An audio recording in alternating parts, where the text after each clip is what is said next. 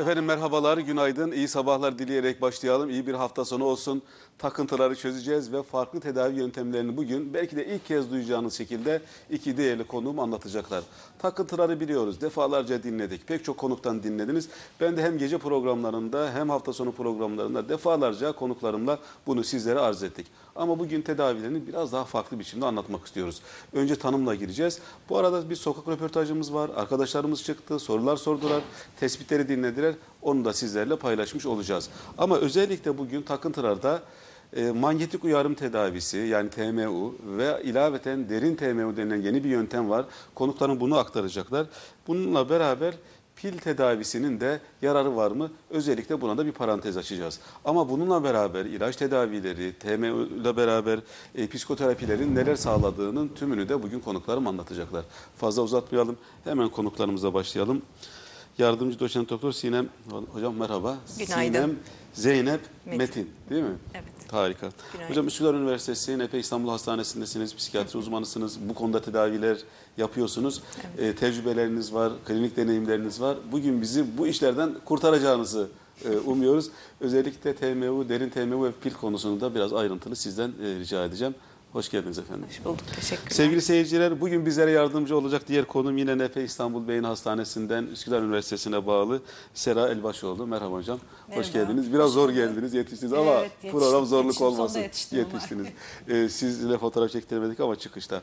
Efendim hemen başlıyoruz ama önce bir tanım isteyelim. Hocam OKB dediğimizde biz ne anlay- anlayalım? Bazen biz ya işte şuna takılıyoruz, buna takılıyoruz falan diyoruz ama tıbbi açıdan yani bunun takıntı olabilmesi için bir süresi var mı, bir şiddeti var mı, nasıl başlar, başka şeyler de buna eşlik eder mi, etmez mi? Biraz tanıma ihtiyacımız var. Buradan başlayalım. Tabii aslında tıbbi tanımı yapmak gerekirse e, halk arasında takıntı hastalığı gibi bilinir, vesvese gibi bilinir ama tıbbi tanımı tekrarlayan, e, istenmeyen, kişide kaygı uyandıran, huzursuzluk yaratan çeşitli düşünceler, e, dürtüler ya da e, zihinsel görüntülerdir takıntı dediğimiz e, durumlar ya da obsesyon dediğimiz durumlar. E, kompülsiyonlar da takıntıların ardından gelen davranışlarda o e, takıntıları rahatlatmak için yapılan davranışlardır. Örneğin elim kirli mi diye düşünen bir kişinin defalarca elini yıkaması, elini yıkamayı durduramaması ya da e, temiz olduğuna bir türlü ikna olamaması gibi. Evet. Ve tekrar tekrar yıkaması, Tekrar saatlerce, tekrar. dakikalarca, bazen şahit tutarak değil mi hocam? Hani Evet, acaba oldu mu, tabii. olmadı mı? E, Hep bundan Ee, mı kaynaklanıyor? Evet, ilerleyen durumlarda yakınlarından da e, onay almak isterler. Çünkü bir türlü emin olamazlar gerçekten oldu mu, istediği gibi olmadı mı diye. Ee, en önemli şey burada herkesin ufak tefek takıntıları olabilir. Ee, en önemli şey kişinin gündelik hayatını ne kadar kapladığı, ne kadar vaktini aldı ve diğer işlerini ne kadar engellediğidir. Hocam bir arkadaşımdan dinlemiştim. Babası esnafmış. Yani bir dükkan yapıyor. E, kapatıyor akşam. Eve geliyor aşağı yukarı 20-25 dakikalık bir mesafe yürüyerek gidip geliyormuş. Tam eve geliyor kapının ziline basacağı anda ya diyor ben prizden fişi çekmiş miydim diyor. Geri dönüyor. Düşünüyor. Herhalde çekmedim diyor. Gidiyor. Kapıyı açıyor. Tekrar kontrol ediyor. Geri dönüyor. Tekrar. Ama bu defalarca tekrar ediyor. Sonra not almaya başlamış. Elinde kağıt var. Gidildi. Kontrol edildi. Saat 21.01. Fakat yine de emin olamıyor. Yani bu bu kadar zor bir şey aslında galiba değil mi? Ko- Anlatması kolay ama e, yaşayanlar bakımından zor bir mesele. Muhakkak tıbbi bir müdahale mi gerekiyor Sinem Hocam? E tabii yani obsesyonlar bu sizin anlattığınız durumdaki gibi kişinin birkaç kez e, uzun süreler yol yürümesine sebep oluyorsa ya da hayatından vakit çalıyorsa tabii ki de mutlaka teda- tedavi edilmesi gerekir. Ama ben arabanın kapısını kilitlemiş miydim döneyim bir daha bakayım iki dakikalık yol daha tamam kilitledim ya da boş ver kilitlemediysem de kalsın diyen bir kişi için çok müdahaleye gerek yok. Ama öbür türlüsü için evet gerekir tedavi. Hocam e, sizden de bu işin muhatapları kimler? Yani hepimiz bir zaman takıntılı olabilir miyiz? Hani diyorlar ya engelli değilsiniz ama her engelsiz kişi engelli adayıdır filan denir ya. Yani takıntılı değiliz diyelim. Yani az çok var aslında hepimizde bir şey ama takıntılı olma adayı mıyız? Yani kimler de görülür? Ya da burada bir genetik taşıma mı var? Bir öğrenilmişlik mi var? Hayattan başka türlü kaçışlar, zorluklar mı var? Biz bunu yaparken bir şeyin üstünü örtmek için mi yaparız? Kaçmak için mi yaparız? Kimlerde görülür? Böyle bir, bir soru yerinde bir soru mu? Ne denir buna? İyi bir soru bence. Ee, ama şey tabii genetik yatkınlıkla ilgili hani araştırmalar bunun genetik yatkınlığın olduğunu e, gösteriyor, işaret ediyor. Ama hani böyle e, bu psikiyatrik hastalıkların hemen hiçbirinde zaten yüzde yüz gibi bir etken değil. Yani çevresel şeyler var, öğrenmeler var. Hani mesela evde e, şimdi bu obsesyonları, kompulsiyonları olan bir annenin, bir ebeveynin çocuğu mesela bunu hakikaten öğrenebiliyor. Ama e, bu da koşul değil. İlla hani etrafında böyle obsesyonları, kompulsiyonları olan ebeveyni var diye herkese ya da onların çocuklarının tümü de mesela şey olmuyor yani. O KB'si olmuyor Şart aslında. değil yani, illa olacak Şart diye bir şey değil yok. aslında. Evet hani bu e, yani öncesinde kişilerin bazı kişilik yapılarında birazcık daha böyle hani e, titiz işte mükemmeliyetçi e, birazcık daha hani böyle halk içinde o tam takıntılı dedikleri insanların evet bir dönem gelir ve belki stresleri çok yoğun olduğunda olabilir ama bunun da bir garantisi yok işin doğrusu. Yani öncüleyen e, minik minik şeyler var ama hani bunların hangisinin ne miktarda olacak ve toplamda ne getirecek bunu böyle ayrı kalem kalem hesaplayıp da hani bir şey koymak çok mümkün değil. E, Olduğu zaman belki hani e, kişilerin bunun farkına varması gerekiyor. Bazen mesela çocukluktan başlayabiliyor bunlar. Hani e, ve e, kişiye çok erken dönemlerinden itibaren bu obsesyonları ve kompulsiyonları olduğunda ve özellikle görünür olmadığında, zihinsel olduğunda evdeki kişilerin de ebeveynlerin falan da çok fark etmesi mümkün olmayabiliyor. Hocam bir başlama yaşı var mı? Yani yayınlar, kongrelerde Genç böyle bir yaş yetişkinlik konuşuluyor çağları mu? gibi. Çocuklarda da görülebilir ama e, hastalık yani bir sendrom olarak başlaması genelde ergenlik döneminde oluyor. Genç evet ergenliğin sonlarına doğru e, oluyor fakat çocuklarda da bazen üst solunum yolu enfeksiyonları sonrası e, obsesif kompulsif bozukluk e, belirtileri görebiliyoruz. Yani bu hani çocukluk döneminde başladığında mutlaka bir uzmandan e, bilgi almak gerekiyor. O önemli çünkü başka e, başka türlü müdahaleler yapılması gerekebiliyor o durumlarda. Hocam size işin tıbbi tarafıyla ilgili biraz beyinle ilgili soracağım ama e, Sera hocamıza da e, en sık görülenler hangileri acaba? Böyle bir isim alabilir miyiz? Yani bu ülkelere göre, kültürlere göre değişen bir şey midir? Yani takıntı hastalığı aynı ama diyelim ki Avrupa'da yaşayan, Almanya'da yaşayan birisi için farklı ya da bize göre farklı mıdır? E, ya da herkese öyle mi görülür? Veya gördüğünüz klinik vakalardan en çok temizlik takıntısı mı, simetri mi ne görüyorsunuz? Ya da çeşitleri neler? Ee, Böyle belli hani tema grupları gibi şeyler var aslında biraz ve bunlar çok yaygın e, ya şey nasıl diyeyim e, birçok kültür hemen her kültürde aslında görülüyor ve e, bazı kültür mesela din, dinle ilgili obsesyonlar çok görülüyor bizde belki hani dinle ilgili daha yoğun olan e, hani İşte daha Mehdi'yim, işte Mesih'im yaşantılarına günlük hayatına daha işlemiş dini e, örüntüleri olan insanların daha çok hani dini obsesyonların olma ihtimali kuvvetli. Çünkü bu obsesyonlar geldikleri zaman kişiye sıkıntı veriyorlar. Kişinin kutsalına, kişinin korktuğu şeylerle ilgili düşünceler olduğunda bunlar hani e, bu obsesyonlar çok daha rahatsızlık verici oluyor. Şimdi bunların böyle işte bir e, kişinin zarar vermeyle ilgili endişelerinin e, kendine ya da başkalarına zarar verme endişelerini duyduğu e, obsesyonları olabiliyor. Mesela şey şeklinde işte kendime zarar verir miyim, çocuğuma zarar verir miyim ya da işte kazayla hani bir şey olur? Mesela bu çok yaygın. Hani arabayla giderken bir yayaya çarpma ya da kaza yapma obsesyonu. Ve sürekli e, mesela en son bir hastam iş- işte şey anlattı. E, sürekli arabanın içindeki kişinin e, diğer şoförün yani karşılaştığı şeylerin şoförlerin ne yaptığını kontrol etmeye ihtiyacı duyuyor. Bu bu kompüsyonu. Yani e, ama gözünü ayırt edemiyor yani karşı taraftan. Bir şey yapacak mı, edecek mi aslında zihinsel olarak karşı tarafı kontrol etmeye çalışıyor. Yani o şekilde içini rahatlatmaya çalışıyor. E, mesela şey vardır çok e, bir şey işte düşecek mi? E, bir yerden düşerse işte şu çok kenarda duruyor. Birine zarar verir mi Bazen falan masamızı düzeltilir hocam. böyle. Gelen kişiler masamızdaki çayı, Evet kaymasın, düzelt- çarpmasın, düzeltirler. şu şeyi şuradan kaldırayım falan gibi böyle. Onlar da aslında bir karşı tarafa ya da işte e, birilerine zarar vermeyle ilgili bir takım endişeler. Bunlar tabii günlük çok hafif düzeyde de olabilir. Sinem Hanım'ın dediği gibi hani e, bir tedaviye ihtiyaç duymayacak düzeyde de olabilir ama bazen hakikaten çok yoğun oluyor ve insanlar çok suçlu hissediyorlar. Yani ben nasıl çocuğuma zarar vermeyi düşünürüm. E, hiç yapmayacağını biliyor kişi. Hiç yap tabii ki burada önemli olan şey bu. Hiç yapmayacağını biliyor kişi ama bunu yapmaktan müthiş bir korku duyuyor ve çok suçluluk duyuyor. Bir diğer temizlikle ilgili olan çok yaygın zaten hani sizde çok en çok bilinenlerden biri kirli mi pis mi? temiz Onu mi, özellikle pis mi? üzerinde açalım hocam. Ama çeşitlerden mühimlerden birisi galiba değil mi hocam? Evet Çok yani yaygın olanlardan yaygınlardan biri. birisi. Dinle ilgili olan şeyler yani işte mesela e, nam- bu namaz kılarken, abdest alırken doğru mu, sayısı uydu mu, etti mi Kuru mı, derler zaten buna? Evet. insanlar genelde. Bu çok fazladır. Bir de Allah peygambere küfür, kutsala küfürle ilgili insanların aklına müjdet hızıyla bu obsesyonlar geçer ve çok suçlu Üstelik hissederler. tam da namazdayken geçermiş yani. Adam namaz kılıyor hani Evet. kendince böyle dini bir tezahür var. Ee, diyelim ki görevini yerine getirdiğini düşünüyor.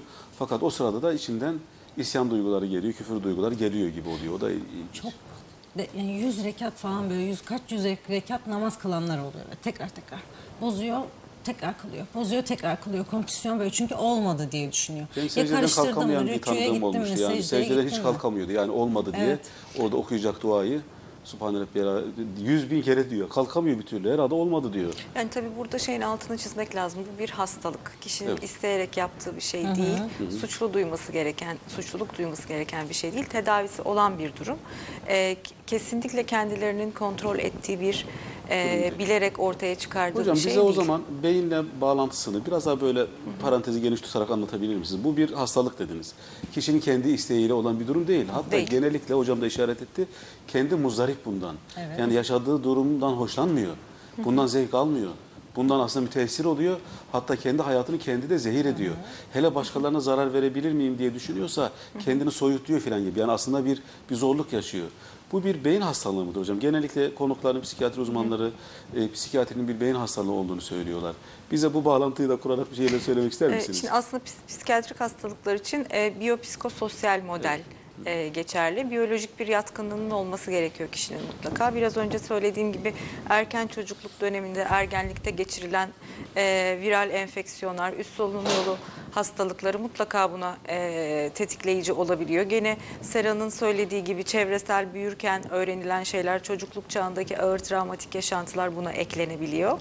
E, ama obsesif kompulsif bozukluk biyolojik beyinle ilgili bir rahatsızlık mıdır? Evet çalışmaların büyük bir kısmı bunu gözüküyor, gösteriyor. Beyinde e, beynin ön bölgesi frontal lob dediğimiz bölgeyle daha iç taraftaki çekirdeklerin birbiriyle bağlantısında e, bir kopukluk ya da düzensizlik ya da aşırılık ya da bir elek gibi düşünelim. Düşüncelerimizi bir elekten geçiriyormuş gibi düşünelim. Bazılarının beyindeki o eleği e, çok sıkı bazılarının ki gevşek düşünceler hızlı hızlı fazla Geçiveriyor. fazla akıyor ama obsesyonların toplumda görülme sıklığı ne diyorsanız hastalık boyutunda olmadan %90-95 civarında. Yani herkesin e, hayatının belli bir döneminde yaşadığı, takıldığı ya da zihninden hızlıca geçen obsesif düşünceler oluyor. Bu yani kadar az sık çok görülen. takıntılıyız yani aslında. Az çok Evet bir yani bu takıntımız insan var. e, nasıl diyeyim insanın doğasında var. var. Şimdi bizi Elazığ'dan seyrediyorlar mı? Topluca seyrediyorlarmış. Bir mesaj geldi Hasan Bilge'den diyor ki e, takıntıların e, müsbeti menfisi olur mu? Yani mesela sağlıkla ilgili bir takıntımız varsa aslında bizi sağlık sorunlarından, ciddi sağlık sorunlarından korumaz mı? Mesela sağlık takıntım var, sigara içmiyorum. Sağlık takıntım var, içki almıyorum. Sağlık takıntım var, mikrobik yerlere gitmiyorum falan gibi. Yani bazen de koruyucu bir yanı olabilir mi gibi bir soru var. Hiç böyle baktınız mı? Ya, obsesyonlar genelde böyle işlemiyor aslında. O sağlıkla ilgili kişinin hani hafif bir endişesinin olup da kendisine dikkat etmesi gibi bir şey olmuyor. Yani kanser oldum mu olacağım mı? Kanser oldum mu acaba kanser miyim? İşte birinde kanserle ilgili bir şey duyuyor. Ben de kanser oldum mu falan şeklinde bir şey. Hani bu dikkat etme meselesi bir miktar hani insan kendine dikkat ediyorsa bunun için hani bir takım şeylerden kaçınıyorsa falan yapmaktan e, işlevsellik meselesini bozmadan, günlük hayatını aksatmadan, hani insanlarla ilişkilerini bozmadan. Çünkü e, bazı insanların böyle sosyal muhakemesi de bozuluyor. OKB olan insanların ve e, diğer insanların da mesela işte sağlıkları ile ilgili endişe duyup aileden, ailedeki kişileri de e, yaptırımlarda bulunuyor ve zorluyor. Bu temizlik kompüsyonlarında çok sık zaten olan bir şey mesela. Sağlıkla ilgili de diğer aile fertlerinin burnundan getirebiliyor. Şimdi bunun düzeyi önemli hakikaten de. Peki sokağa bir çıkalım. Yani arkadaşlar gittiler daha doğrusu çıktılar da biz onları bir seyretmiş olalım. E, Betül Yiğit sordu. Şu Hedda Damgacı da e, kaydetti. Arkadaşlarımız montajladılar. Şimdi yönetmenim Mehmet Bey bizi ekrana getirecek. Birlikte bir bakalım. Acaba takıntı ne kadar biliniyor? Varsa sorularını onları da cevaplayacağız. Belki tespitler de vardır. Buyurun efendim. Dilinde takıntılar olarak geçen obsesif kompulsif bozukluk insan hayatını büyük oranda zorlaştırıyor. Peki takıntıların tedavisi nelerdir? Bilimden sağlığa ekibi olarak mikrofonumuzu vatandaşlarımıza uzattık ve bu konu hakkındaki görüşlerini aldık. Takıntınız var mı? Var. Tabii ki var. Takıntım yok. Bir takıntım yok ama çevremden gördüğüm kadarıyla var. Benim yok. Kocamın var. Peki nedir bu takıntılar? Biraz bahseder misiniz? Takındım şöyle bir şey kafamı koydum mu onu yapmak zorundayım. Yani gi- mesela diyelim bir yere gitmek istiyorum. Oraya gideceğim. Yani evde durmayacağım. Onu yapacağım. Ya da mesela diyelim bir arkadaşıma söz verdim veya da bir şey alacağım. Onu yapacağım. Onu yapmazsam sanki rahatsız olacakmışım gibi geliyor. E, temizlik takıntısı, düzen takıntısı. Yani var yani temizlik yapmadan duramıyorum bazen. Bazen düzensiz bir ortamda duramıyorum. Kapıların kollarını böyle açar. Elini sürmez. Ondan sonra e, bir şey olduğu zaman toz torpak olur onu siler siler siler siler. Ondan sonra şey böyle nişan koyar her tarafa. Kim geldi, kim gitti, kim yaptı, kim etti. Eve kim girdi. E, kapılara şey koyar. İşte karşındaki insanın her zaman karşı kendin gibi olmasını istediğinin takıntıları oluyor. Ama olmuyor tabii. Sonra onları kafaya takıyorsun. temizlik takıları. Yani temizlik var. Peki sizce bu takıntılar insanlara nasıl zorluklar çıkartıyor? Ya sıkıntı yaratır diye düşünüyorum. Yani hani e, sonuçta bu aileden başlar e, çocuğa kadar gider. E, toplu ortamlarda genelde zorluk çıkartıyor çünkü hani e, takıntılı yani her takıntılı insan gibi genelde e, evin içinde kendime bir düzen sağlamış oluyorum ve bu düzene kendim uyabiliyorum ama toplu ortamlarda bu düzeni sağlayamadığım için bana zorluk çıkartıyor kafelerde, toplu taşımada zorluk çıkıyor yani. zorluk var biliyorsun. Bu- Bunu hiç kimse çekmez. Ee, ye- 46 senedir çekiyorum. Uzmanlara sormak istediğiniz bir sorunuz olur mu? Temizlik takıntısının tedavileri nedir? Bunu sorabilirim. Bunu sordular. Evet, e, temizlik takıntılarının tedavisi nedir? Çok mühim. Bugün buna geniş bir parantez açacağız. Ama e, konuşulanlar ilginç. Bakalım konuklarım nasıl değerlendiriyorlar. İki uzman değerli konuğum var. Üsküdar Üniversitesi NP İstanbul Beyin Hastanesi'nden Sinem Zeynep Metin, yardımcı doçent doktor, psikiyatri uzmanı ve uzman psikolog Sera Elbaşoğlu. Nasıl buldunuz soruları, verilen cevapları? Mesele biliniyor mu? Doğru yerlerden yaklaşılıyor mu? İşe böyle mizahi de yaklaşanlar oluyor bazen. Hocam nasıl değerlendiriyorsunuz? Mesele biliniyor gibi duruyor. Evet. Ee, Evet, yani bizim toplumumuzda aslında e, takıntılar gene biraz önce söyledik hani dini yaşantının da çok yoğun olduğu için e, takıntıları gerçekten hani yoğun şekilde görüyoruz kadınlarımızda özellikle temizlik takıntıları, ondan sonra e, düzenle ilgili takıntılar, hastalık kapmakla ilgili takıntılar, e, zarar vermekle ilgili takıntılar, cinsel takıntılar bunların hepsini e, fazlaca görüyoruz ve çok maalesef sıkıntı şu ki yani hani çok uzun süre tedavisiz kalıyor hastalarımız. Bir e, şey röportaj yapılanlardan biri 46 senedir Evet. çekiyorum dedi. Bir ömür Gerçekten. ya, bir ömür değil mi? Evet, bir ömür. Sinem Hanım, bir ömür. Bir ömür. Yani e, uzun süre tedaviye geç kalıyorlar dediniz. Uzun Evet. süre tedaviye geç kalmak bir de uzun süren bir tedavi olarak da biliniyor hocam. Biraz sonra tedaviye geçtiğimizde o geç kalmaların maliyetinden de biraz bize bahsetmenizi isteyeceğim. Hocam sizin röportajı değerlendirmeniz nedir? Ne söylersiniz? Bana da o olarak. 46 sene, o 40 küsür sene meselesi çok ilginç geldi. Çünkü şey var yani orada epey bir biliyor ve muzdarip eşi gibi anladım Evet. ben. Sanki kişi- zihninde kişinin. tutup birisini tarif etmiş gibi değil mi? Evet, Yani evet yani e, aynı öyle eşi falan gibi hissettim yani aileden çok yakın biri gibi ya da ve bayağı muzdarip ama hatta bununla yaşanmaz falan gibi bir şey söyledi ama e, tedavisiz gibi görünüyor mesela bilmiyorum. E, bu kadar 46 almamış sene sürmemesi lazım. Evet yani değil mi? 46 sene çok uzun bir zaman. Bir de bir genç bir hanım daha vardı. O da şey işte temizlik yapmazsam ölecek gibi oluyorum falan dedi. Mesela o sıkıntı duygusundan bahsettiğini tarifleme, düşündüm değil ben. mi Evet hocam? yani Evet. hakikaten öyle. Bu temel şey böyle bir de takıntı diyenlerde şey var. Ya ben takıyorum kafaya takmak gibi falan hani düşünülüyor. O tabii ki ay, çok ayrı bir şey ama obsesyonlarda, kompulsiyonlarda en önemli şey o. Bir, bildiğini biz gerçekten düşündüğümüz kişiler şey oldu. O sıkıntı duygusunu çok iyi tarifliyorlar. Yani düşüncelerle ilgili obsesyonların geldiği zamanki sıkıntı duygusu ve davranışları eğer yapmazsa ya da yapıp tamam tamamlamazsa olan sıkıntı duygusu. Bu çok belirli şey. Ee, bu çok büyük bir şey yani. Ee, Zorlayıcı. Belirten şey. Hocam evet. programı duyurunca bir arkadaşım aradı. İki yıllık evliler. Yeni bir bebekleri doğdu bir hafta evvel. Ee, eşi e, çocuğu emziremiyormuş. Ee, hani bu takıntı gibi değil de yani ya elimden düşerse ya ona hani meme verirken onu daha çok böyle bastırırsam hani daha çok emsin derken ya onu boğarsam ya o sırada elimden düşerse filan gibi şeyler düşünüyor ve çocuğu biz tutuyoruz memesine e, öyle emzirtiyoruz filan diyorlar. Hani bu böyle çok çok ekstrem bir vaka mıdır yoksa hani gördüğünüz yani be- olabilecek bir şey midir hocam? Bizi seyrediyor şimdi. Şimdi zarar vermekle ilgili obsesyonlardan bahsettik biraz önce. Gerçekten e, hani böyle obsesyonlar çok ileri boyutlara vardığı zaman hastalarımız ortalardan bıçakları kaldırırlar. Mesela birine yanlışlıkla Hmm. zarar verirsem diye ya da işte makası tutmamak, elden ele almamak. Değil mi? Yere gibi. konur hani Aha, evet gibi ama bu hani yeni doğan anne yeni doğum yapmış bir kadının psikolojisinde anlaşılabilecek bir şey bu anlattığınız şey. Eğer uzun sürüyorsa yani hani mesela bir haftayı 10 günü geçiyorsa Geçiyorsa. e, tekrar ediyorsa ağırlaşıyorsa ve hani bu böyle daha büyük bir boyuta varıyorsa o zaman evet müdahale edilmesi gerekir ama yeni doğum yapmış kişilerde çocuğa zarar verir miyim ya da bir şey olur mu kaygısı normal kabul Peki. edilebilir. Hocam e, takıntılar hayatı yavaşlatır mı? Tedaviye geçmeden evvel. Yani biraz e, Mesela işte zaten daha soru bitmeden e, Sera Hoca dedi ki çok böyle doğal bir şeydi. Evet dedi. Yavaşlatırım hocam. Bir daha o evet alabilir miyiz? Yavaşlatır tabii ki de.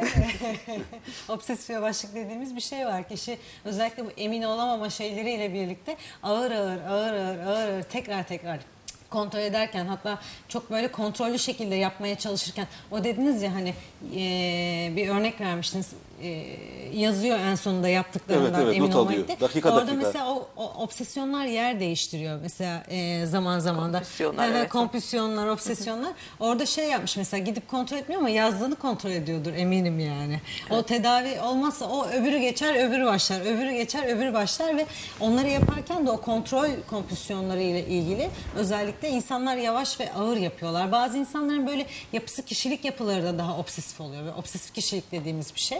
Ee, bir de onun üzerine bir OKB binince tadından yenmiyor zaten. İyice böyle yavaş, iyice ağır, her şeyi kontrol eden, stresli zamanlarda iyice böyle obsesyonlar, kompulsiyonları azan yani kişinin kendi kendini e, böyle hakikaten işin içinden çıkamadığı ve e, hayatı bayağı eziyet haline gelmiş bir durumda olabiliyor ve o, o yavaşlık tabii Hocam ki. bazılarını böyle gülerek a- dinliyoruz. Ya da anlatırken gülerek anlatıyorlar. Biz de bazen gülerek dinliyoruz. Geçen hafta bir toplantıda bir hanım arkadaş işte e, birkaç yıldır evli eşinin bir durumunu anlattı. Ama böyle eşini de tanıyoruz espri olsun diye.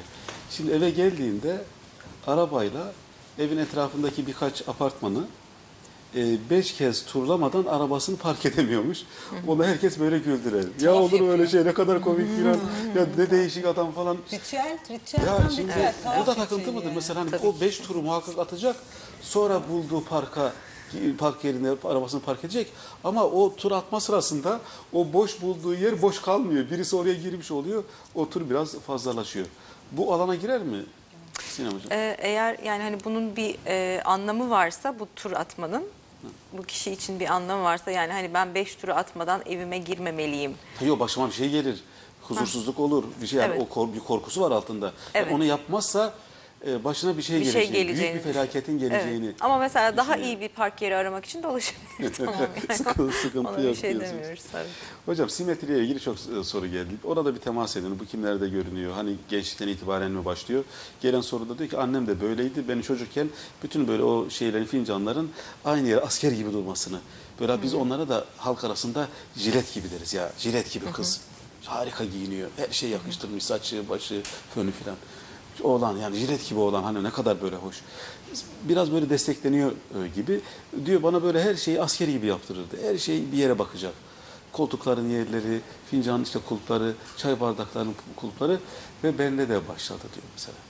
Bu biraz öğrenilmiş midir yoksa e, genetikte var da öğrenmişlik üstüne mi İşte geliyor? bu genetik Simetride yani. kısmı da işin içine giriyor yani. Ee, ve tabii ki öğreniliyor da aynı zamanda. İkisi birlikte birbirini destekleyerek giden bir şey. Tabii evin içinde herkes öyleyse bir taraftan da çok hani e, evde herkes bunu sağlamaya çalışırken zaten mesela çok büyük bir e, probleme sebep olmayabilir yani. E, hani birbirlerine uyumlu biçimde giderler ama o çocuk evin içinden ne zaman çıkar, okula gider, e, bir işe gider, hayatında başka insanların e, sayısı artar. O noktada tabii ki o e, bir problem olarak Karşısına e, çıkacak. karşısına çıkacak yani hani. Tabii buradan şu da anlaşılmamalı. Aslında titiz olmak, düzenli olmak kötü bir şey değil. Değil. Bunun belli bir dozunun, limitinin olması gerekiyor. Bir ne bileyim delikanlının jilet gibi olması ya da bir genç kızın ya da herhangi bir kişinin derli toplu Yani olmasında bir sorun yok. Darmadağınık olması daha büyük bir sorun. Daha bir sorun. Hocam takıntıda ilişki sorunları diye bir başlık var. Bunu, buna bir, biraz temas etmenizi istiyorum. Yani aile sorunları yaşayarak geliyorlar. Yani bir tarafın takıntısı sebebiyle eşlerden birisi, çiftlerden birisi ya ben bu hayatı artık bununla yaşayamıyorum. Yani ev bana huzur yeri olması gerekirken, sükun yeri olması gerekirken, rahatlayacağım bir yer, nefes alacağım bir yer, kendimi rahat bulacağım bir yer derken evde asker oluyor yani. Aman toz kalktı, aman ayağını oraya kalktı. Yani işte her ne yaşanıyorsa. İlişki sorunları, eğer takıntı, bulaşma sorunları varsa, cinsel takıntılar varsa zaten aslında zaten bir ilişki sorunu haline de geliyor. Biraz buraya da bir temas eder misiniz? Gör, görülüyor mu? Şimdi geliyorlarsa ne ala aslında çok gör, daha sık gördüğümüz süre uzun süre gelmeyip aslında o takıntılara adapte olup hastalığı da iyice besleyip yani takıntıları beslemek çiftlerin ilişkisinde mesela işte ne bileyim obsesif temizlik yapmaya meraklı bir kadın ve onun o temizlik yapmasını o kadar da umursamayan bir adam bütün işte haftayı temizlik yaparak geçiren olmadı bir daha olmadı bir daha Ee, mesela bazı hastaların ben elini sıkıyorum, eller kupkuru belli ki işte çamaşır suyuna çok fazla temas etmiş. Zaten oradan anlaşılıyor daha ilk girdiği zaman ne durumda olduğu. Ee, ama erken dönemde geliyorsa ne ala. Yani bizim ilişkimize işte benim üstümü değiştirmeden koltukta oturmama müsaade etmiyor. Ben böyle yaşamak istemiyorum. Ee, işte bir gelince bir oturup dinlenmek istiyorum ondan sonra üstümü değiştirmek istiyorum ya da işte ayakkabılarımı asla tabii bizde ayakkabı içeri sokulmaz ama işte asla işte dış kapıdan içeri alamıyorum e, gibi ya da e, mesela- Soyundurarak içeri alanlar varmış hocam. Evet. Yani dış kapıda ee, soyunduruyor, Hiç öyle alıyor. düşündüğünüz kadar az değil, çok fazla. Çok mu hocam? Çok fazla. Alt kapıdan e, daha mesela bizde aile apartmanları da çok fazladır. O aile apartmanının dış kapısında bırakıp da işte yukarıya başka kıyafetle çıkanlar, değiştirenler sürekli, çocuklarının girmesine çıkmasına müsaade etmeyenler. Bir e, bu temizlikle ilgili olan kısım çok fazla oluyor. Kontrolle ilgili olan olabiliyor. E, bir de cinsellikle ilgili tabii hani cinsel hayatla ilgili de takıntılar olabiliyor. Hani kişilerin cinselliğini etkileyen tiksintiler ondan sonra ya da e, bazı şeyleri asla kabul etmeme e, işte ya da Tabu haline getirmiş tabu haline galiba, getirmiş olma bunlar hani e, çiftlerin e, evliliklerini etkiliyor ama yani genelde çok çok ileri safhalarda geliyorlar. Bunları böyle idare edip hatta besleme eğilimindeler çiftler. Tedaviye geçmeden evvel son bir soru e, Serra Hocam size. E, bu durum akademik başarıyı ne yönde etkiliyor? Yani e, eğitimini, tedavisini, işte tez hazırlamasını, e, işte uzmanlığını, doktorasını falan hani bir akademik süreci takip eden kişi de e, OKB olduğunu düşünelim. Olmayana göre nelerle karşılaşır? Yani burada bir zorluk, bir akademik başarısızlık, işte uzama vesaire falan gibi de olur mu? Tekrar tekrar baştan alıp yazma.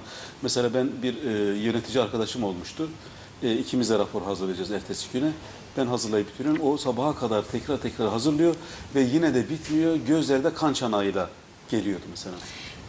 Bu e, obsesyon tipine de bağlı. E, bir de tabii ki şey şiddetine de bağlı. Yani e, bir obses birkaç obsesyonu vardır atıyorum. Temizlikle ilgilidir, çok yoğun değildir ve obsesif yavaşlık gibi bir şey de yoktur. Bu kontrol kompüsiyonları falan yoktur. Etkilemeyebilir yani sonuçta akademik başarısını ama okuma yazma ile ilgili mesela kontrol kompüsiyonları var. İşte olmadı, bu okudum, olmadı tekrar okuyayım. E, baştan alayım. İşte Acaba 30 sayfa doğru mu okuyor, acaba doğru mu anladım? Do- anladığım şey tekrar tekrar tekrar tekrar okuma.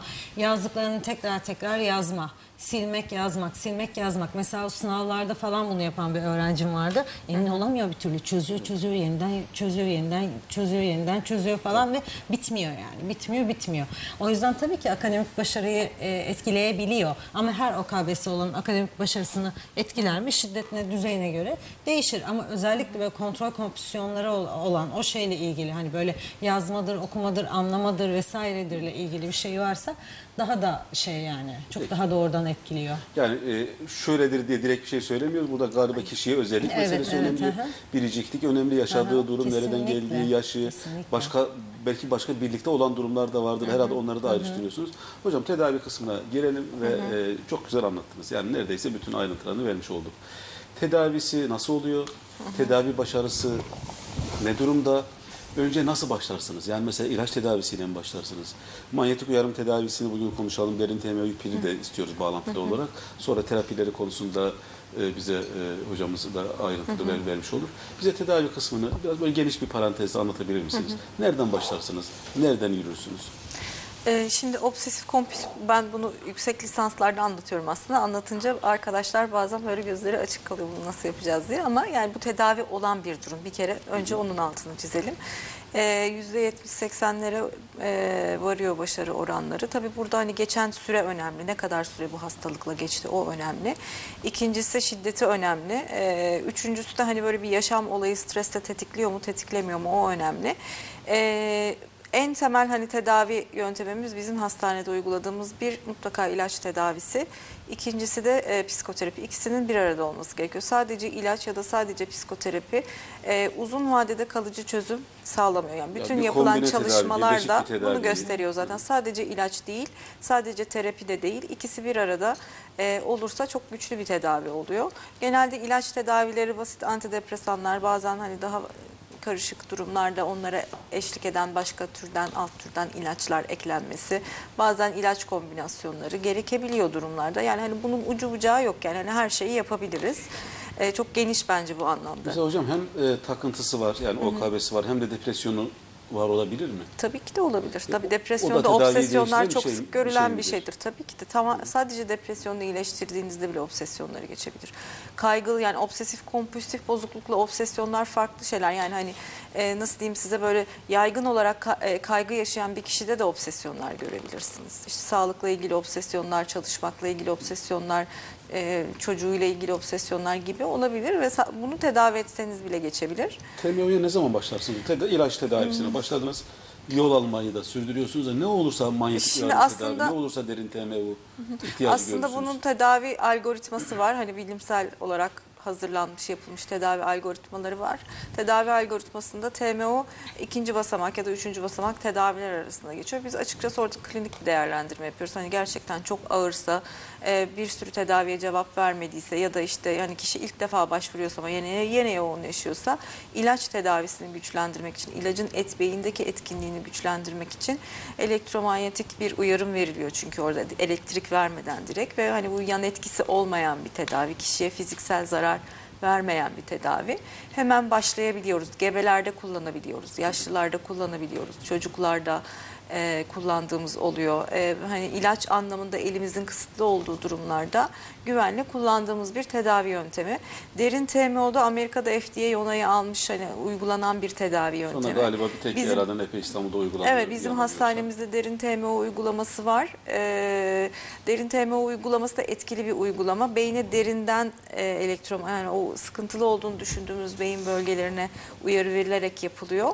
Burada hani etkinliği arttırmak için yapılan şey hemen öncesinde e, bilişsel davranışçı terapi seansları. Ardından hemen TMO, derin TMO uygulaması yapılırsa çift ikisini birlikte kombine olması e, etkinliği arttırıyor. Bir başka bir uygulama e, şeyle ilgili obsesif kompulsif bozuklukla ilgili her şey yaptık hiçbir şey işe yaramadı artık yani hani ve kişi çok acı çekiyor ızdırap çekiyor ne yapabiliriz? E, bir iki tane pil uygulamamız da oldu hastanem derin, beyin, derin, derin beyin pili yerleştirilmesi. E, bunun Cerrahi müdahaleyle cerrahi müdahaleyle. Deri altına mı nereye yerleştiriliyor? Ee, Şimdi o cerrahi Ayrı- ayrı kısmı şey. ayrı O bir şey ayrı. ama hani deri altına bir uyarım e, cihazı veriliyor. Daha derine e, ayrı bir uyarı verecek bir şey yerleştiriliyor. Bu tabii invaziv bir tedavi yöntemi ama mesela Parkinson hastalığında daha yaygın uygulanan bir tedavi yöntemi ama işe yaradığıyla ilgili e, şeyler var, bildirimler var. Bu da gene Amerika'da onay almış bir tedavi yöntemi. Şunu anlıyorum e, hocam anlattıklarınızı Zeynep hocam. Yani ilaç tedavisi var, TMO tedavisi var, derin TMO tedavisi var ve gerekli görülmesi halinde istenen sonucu yani beklediğiniz sonucu almamanız halinde bütün Çok bunlara uç rağmen ve kronik vakalarda. çünkü dirençli vakalar da var. Var. Yani bunlara rağmen e, istediğiniz cevabı istediğiniz seviyede alamamış da olabilirsiniz. Bu da Evet. olabilir. Evet. Öyle bir durumda pil yani beyin pili Evet. tedavisi de bir seçenek olarak elinizin Var. altında olduğunu Evet. görmüş oluyoruz. Hocam eksikler kaldıysa tamamlarsınız. Ee, hocam sizden de e, Sera hocamdan da işin terapi kısmı önemli mi? Yani o sırada yanlış uygulamaları, yanlış düşünceleri, yanlış yargıları, yanlış etiketlemeleri, kendini yanlış görmesi, ben başarısızım, asla bir şey yapamam, zaten işte o ol, olmadım falan falan falan bir sürü bir şey. Yani ne oluyor mesela bu, bu burada bu tedavilerde ne yaparsınız? Yani psikologlar nasıl destek olur böyle bir durumda? Hocamla beraber takip ettiğiniz bir hasta varsa Sinem Hoca'ya neler yaparsınız? e, psikoterapi tabii çok kişi için özelleştirilmiş bir süreç oluyor ve az önce de konuştuk ya kişinin işte depresyonu da olabilir, başka şeyleri de olabilir. Hani durumsal bir stresi de olabilir kişinin. Hani bunların hepsini e, anlamak ve e, bu obsesyonlara, kompulsiyonlarla özellikle tabii şey konuşuyoruz. Yani bütün terapi sürecinde bir hastayı anlama, ondan sonra onun sıkıntılarının, onun bireyselliğinde, onun bütün yaşantısında ele alma durumu. Obsesyonlar, kompulsiyonlarda bilişsel davranışçı terapi çok etkin. Ee, ben de bunu kullanıyorum. Ee, şeyde obsesif kompulsif bozukluğu olan kişilerde. İlk başta bir de şöyle bir şey var. Mesela ee, bu insanların e, şey söyledik ya bu düşünceleriyle ilgili, bu obsesyonlarıyla ilgili çok hani sıkıntı duymaları en temel şey zaten yani sıkıntı duymasalar zaten Gelmezler bu obsesyonlar gelmeyecekler yani sıradan bir düşünce olacak. Düşünceyi obsesyon yapan şey kişinin bu düşünceden korkması kaçınmaya çalışması ve bundan sıkıntı duyması zaten. Yani kompulsiyonlarla ilgili de işte o şeyi yapmazsa eğer kötü bir şey olacağına dair inançları. Biz bunları böyle terapide tek tek çalışıyoruz. Yani o kişinin düşünceleri niye böyle düşünüyor ve hani bu düşüncenin aslında farkına, kendi düşüncelerin o tehlikeli olarak algılama meselesinin ve o tehlikeli olarak, olarak düşünceyi algılamasının aslında onun obsesyon yaptığını falan böyle anlayıp çalışıp kişinin üzerinde aslında kendi üzerinde e, o esas istediği kontrolü sağlamasına yardımcı içeren, durumu fark ettiren, Tabii, tabii, hastalığı anlatan, kesinlikle, kendi durumunu evet. anlatan, e, o hastalığın neresinde olduğunu gösteren bir nevi evet. bir aynalama gibi bir şeyden Evet, bahsettiniz evet. sanki değil mi hocam? Yani, evet öyle yani ve şöyle tabii kimi insanlar çok daha hani kimi OKB e, hastaları çok daha var. şeyin farkındalar. Yani bunların e, gerçekçi olmadığının daha farkındalar ama bazı hastalarımız da o kadar farkında değiller. Onlar daha dirençli oluyorlar. Siz hani raporlar yazarken son bir cümle yazıyorsunuz ya. E, Hiçbir rapor istek üzerine verilmiştir filan. Son söz olsa, hani raporun son cümlesi olsa ne söylersiniz? Geç kalmadan tedaviye gelsin hastalarımız. Geç Geç, kalmasınlar. Evet. Çok teşekkür ederim geldiğiniz teşekkür için. ederiz. Pazarı bizimle paylaştığınız için. Çok ayrıntıları var. Ayrıntılara temas ettik kısa kısa böyle parantezler açarak. Ama size ulaşabilirler. e, Danışma hattından arayabilirler. Tabii. Varsa sorular yazabilirler.